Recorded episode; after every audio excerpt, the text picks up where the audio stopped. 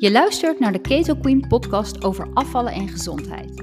We brengen de fun weer terug in het ontwikkelen van een nieuwe leefstijl uit liefde voor jezelf, waardoor je voor eens en altijd uit de dieetmindset kunt stappen en een gezonde relatie met eten ontwikkelt. Ik ben Romana Zwitser, ortomoleculair therapeut, keto-expert en ervaringsdeskundige. Ik viel op eigen kracht 43 kilo af en weet dat al jaren stabiel te houden. Ik deel met jou mijn kennis en mijn eigen lessen, zodat jij het niet allemaal alleen hoeft te doen. Dus laten we beginnen. Hey, goedemorgen. Daar zijn we weer met een nieuwe aflevering van de Keto Queen podcast. En um, ja, ik ben heel erg benieuwd hoe het met jullie gaat. Ik vind het echt altijd hartstikke leuk om een update te ontvangen. Uh, hoe het gaat met jouw keto leefstijl.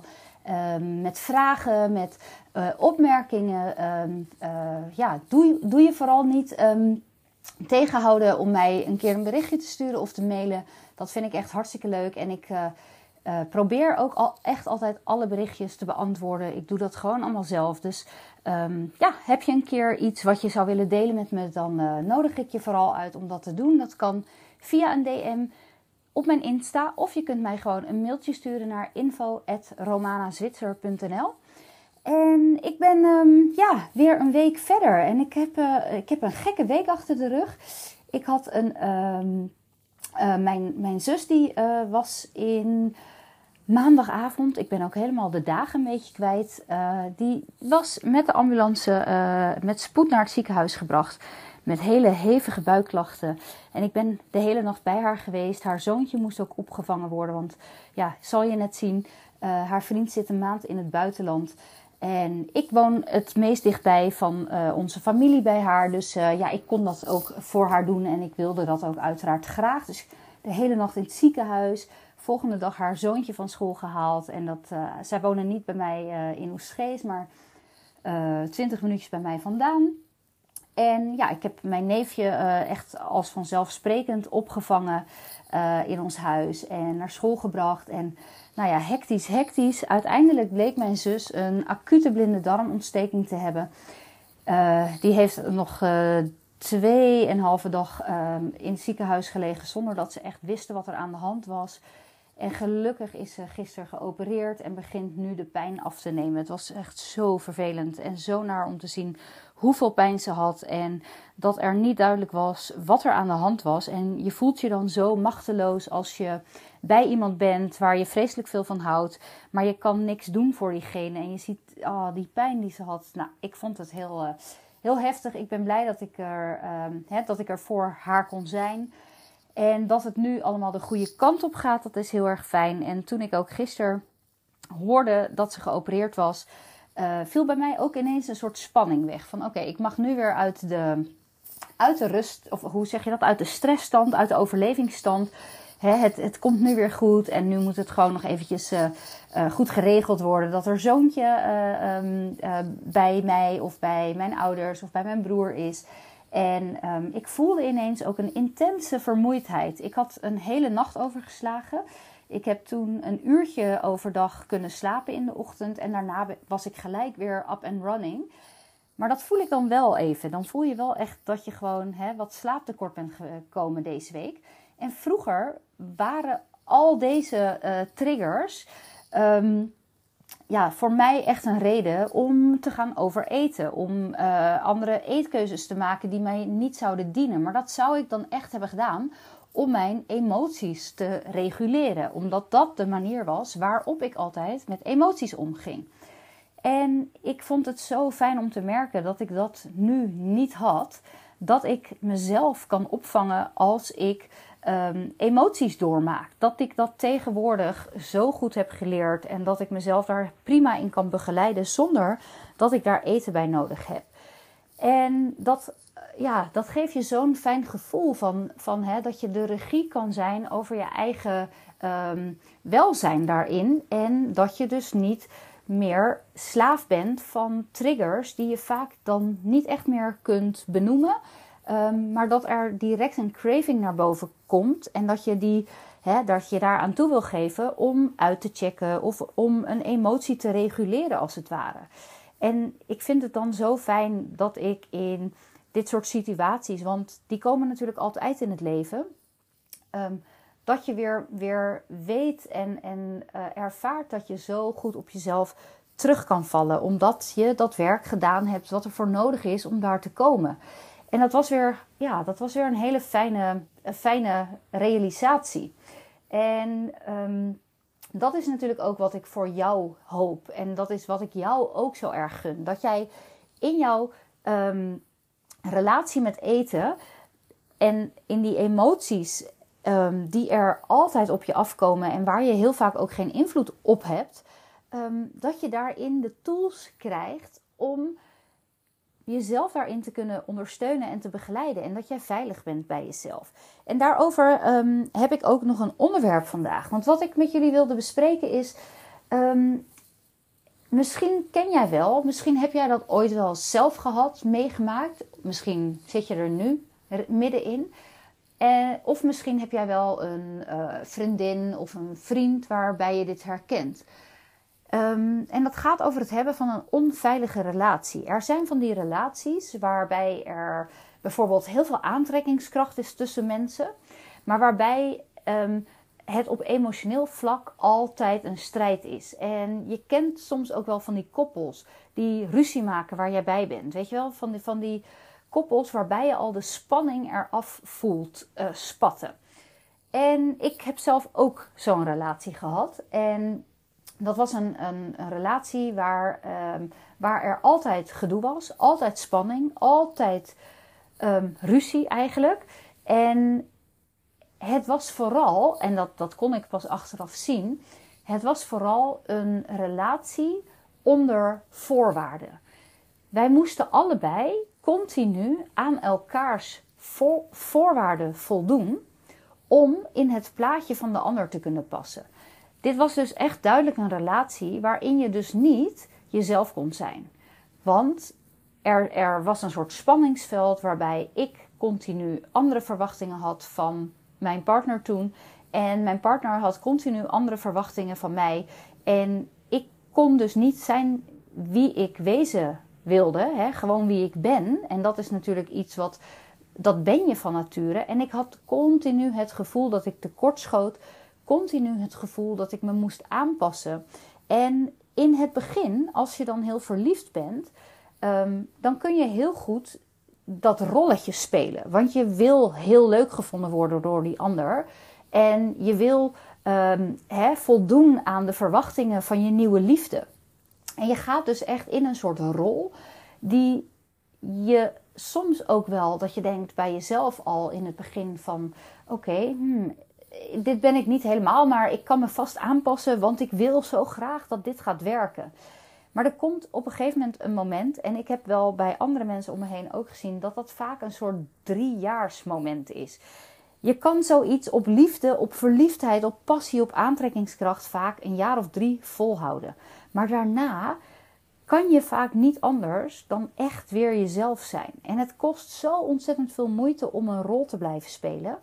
En in deze relatie ervaarde ik vooral dat dit een hele onveilige relatie was. Want zodra ik niet voldeed aan de voorwaarden van de ander, um, ging het dus ook elke keer uit. Dus het was zo'n vreselijke knipperlicht relatie, waarbij je um, dus ook nooit, althans dat, dat ervaarde ik zo, ik durfde op een gegeven moment ook bijna niet meer ruzie te maken, omdat het bij elke ruzie op het punt stond om uit te gaan. En elke dag was ik in de veronderstelling, het zou zomaar uit kunnen gaan vandaag. En dat zou van de ander kunnen komen, maar het zou ook van mij kunnen komen. En als ik iets geleerd heb in de liefde, is dat het voor mij heel belangrijk is dat ik een veilige basis daarin heb. En ik realiseerde me dat deze destructieve en onveilige relaties wij van anderen uh, vaak kunnen zien. Hè? Of, of een relatie waar je zelf in hebt gezeten. Jij vaak dan op een gegeven moment kan erkennen van oké, ja, dit is niet wat ik wil. Maar dat dit heel vaak de relatie is die jij met jezelf hebt en in stand houdt al jarenlang. Want als je het vergelijkt met de relatie die jij met jezelf hebt, kijk dan eens naar hoe jij voor jezelf op dagen. Heb jij een veilige relatie met jezelf? Moet jij niet continu aan keiharde eisen voldoen voordat jij jezelf goedkeurt? Is bij jou niet continu die lat zo hoog en kun jij bijna niet voldoen aan die hoge lat, waardoor jij continu bij jezelf hè, jezelf afkraakt, jezelf de grond intrapt, jezelf niet kan dragen in veiligheid. En wat denk je dat het nou voor jou doet als jij continu onveilig bij jezelf bent? Dus stel je voor, jij hebt een goede dag gehad. Jij hebt een dag gehad waarbij jij precies hebt gegeten zoals jij met jezelf had afgesproken aan het begin van die dag.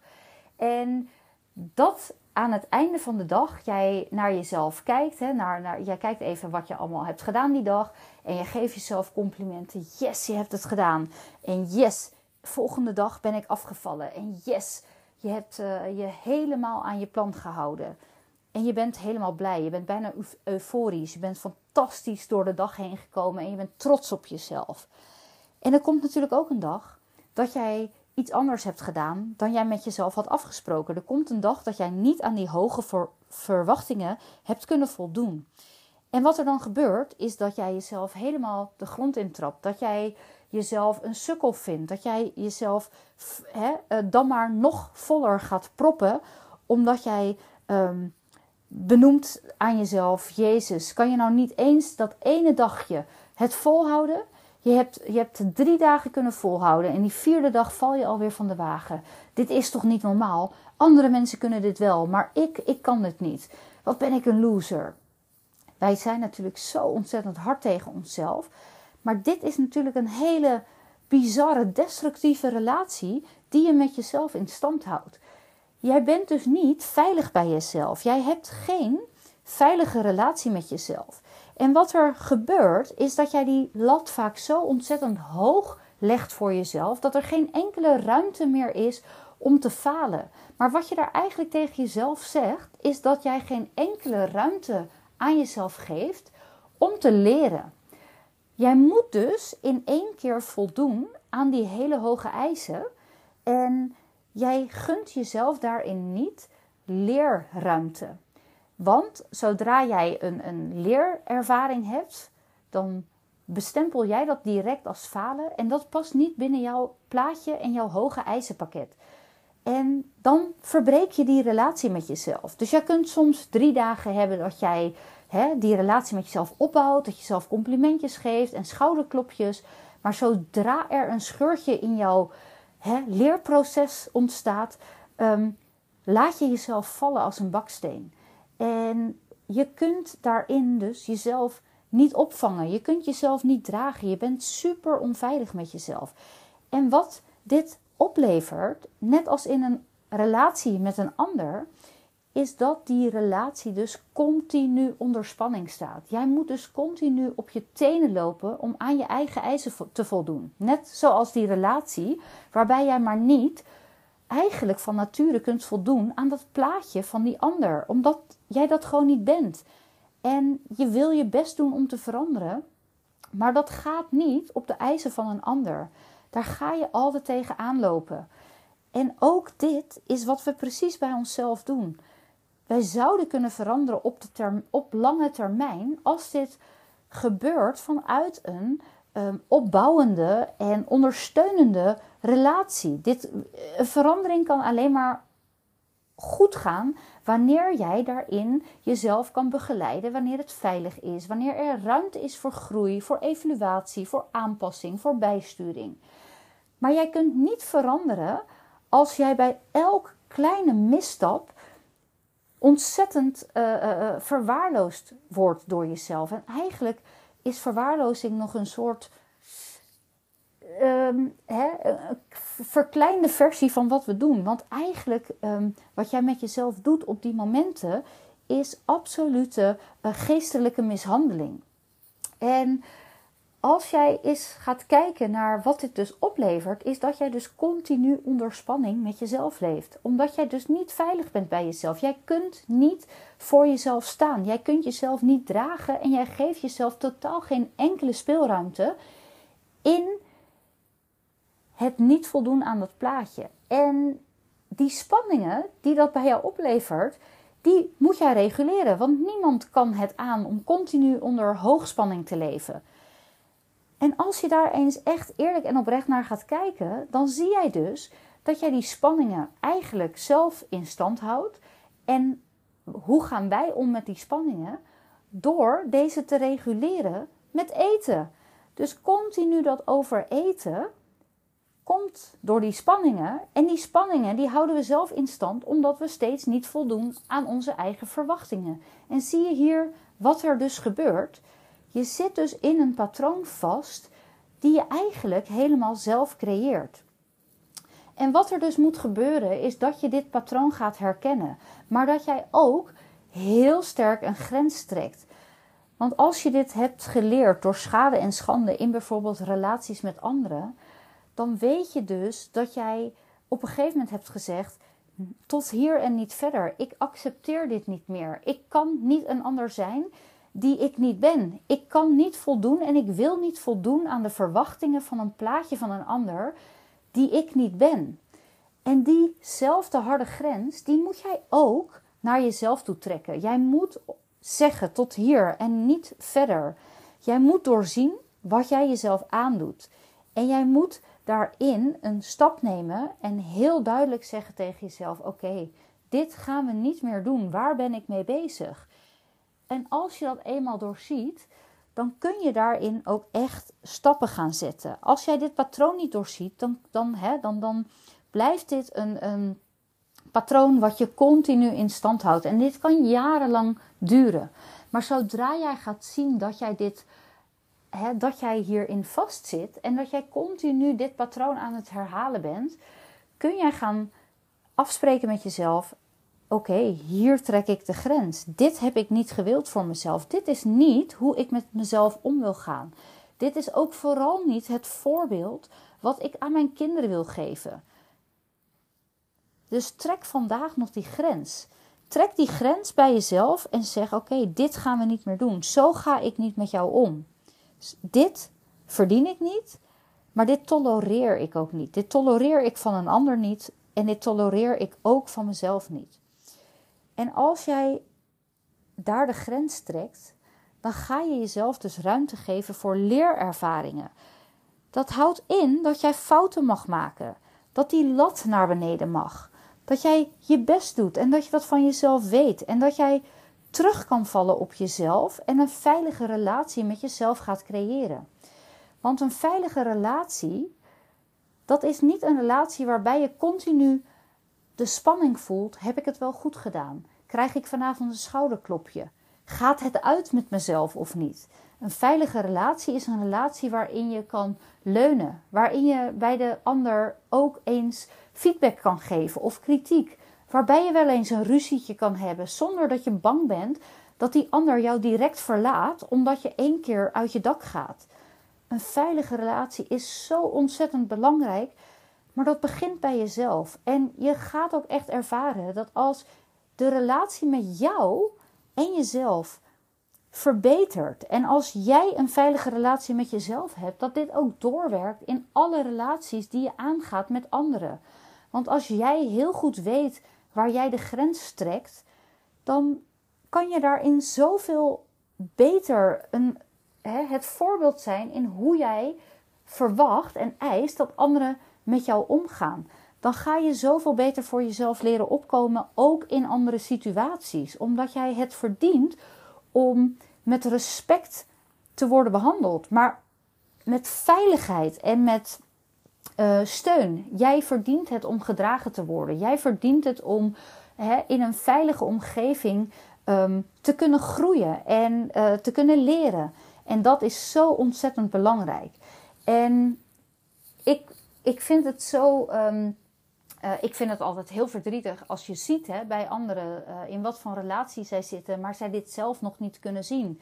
En dat bij jou alle rode vlaggen al hè, uh, opkomen en, en en dat je daar bijvoorbeeld met een beste vriendin wel eens over kan praten, maar dat zij het nog niet ziet. En dat is ook haar proces. Hè. Jij kan een ander daar vaak niet voor waarschuwen. Iemand moet echt op een punt komen waarin ze zelf voelt: oké, hier en niet verder. Maar dit is dus wel ook heel vaak aan de hand met jezelf. Jij kan dat heel vaak jarenlang in stand houden. Totdat je echt gaat leren en voelen: oké, met dit gedrag word ik niet gelukkig. Met dit gedrag in stand houden, wat ik misschien al 30, 40, 50 of 60 jaar heb, gaat mij niet verder helpen. Want ik kom hier gewoon niet uit. Er moet dus blijkbaar iets veranderen. Want dit doe ik nu al mijn hele leven. Maar het mooie is dat dat wel kan. Maar dat je eerst in moet gaan zien dat dit is hoe jij met jezelf omgaat. Het is dus zo belangrijk dat jij de relatie die je met jezelf hebt onder de, onder de loep gaat nemen en daaraan gaat leren werken. Dus belangrijk daarin is dat jij die lat voor jezelf naar beneden legt. Dat jij jezelf leerruimte geeft. Dat jij jezelf kan gaan ontwikkelen. Maar dat jij echt in de basis heel erg mag gaan voelen en vooral mag gaan laten zien dat jij onvoorwaardelijk voor jezelf houdt. Dat jij onvoorwaardelijk voor jezelf opkomt dagen. En dat jij niet verwacht dat jij 100% aan jouw eisen kan voldoen, altijd en 100% van de tijd. Dat kan niemand, dat zou je ook niet moeten willen. En dat is wat ik je mee wil geven voor deze week. Ik hoop dat je daarover um, over na gaat denken. Ik ben benieuwd of je dit herkent. Of jij ook merkt dat je eigenlijk heel erg onveilig bij jezelf bent en niet op jezelf terug kan vallen. En dat dat precies is waar er ruimte in jouw eigen proces, in jouw eigen groei naar jezelf zit. Dat je daarmee aan de slag mag gaan. En dat dat iets is wat um, niet uh, van de een op de andere dag geregeld is. En als je daar nou hulp bij wil, dan is dat iets waar we mee aan de slag gaan in de Keto Queen Kickstart Journey. Vanaf januari, 2 januari, starten we weer met een nieuwe ronde. Heb je daar nou um, um, tools voor nodig en tips en uh, handvatten? Dan nodig ik je van harte uit om je aan te sluiten bij de januari-ronde. En dan um, ja, zou ik het heel erg tof vinden om met jou dat proces in gang te gaan zetten. Als je daar meer interesse in hebt, dan uh, kun je je aanmelden via de link in deze show notes van de podcast. En dan spreek ik je heel graag volgende week weer. Um, dan zit ik, als de podcast van volgende week online komt, um, inmiddels in uh, het vliegtuig. Of althans, nee, dan ben ik al geland. Dan zit ik lekker op Aruba. En dan staan de feestdagen voor de deur. En uh, dan wens ik je voor nu een hele, hele, hele fijne week toe. En spreek ik je graag in de volgende podcast. Fijne dag en tot volgende week.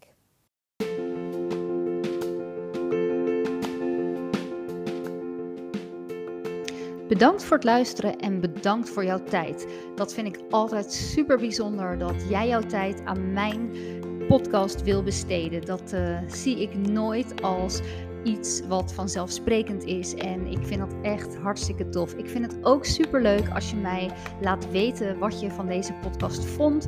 Of je er wat aan gehad hebt. Misschien heb je zelf nog onderwerpen waar je wat over zou willen weten. Um, laat het me weten. Dat kan je doen door mij een DM te sturen via Instagram. Daar ben ik te vinden op romanazwitser.nl.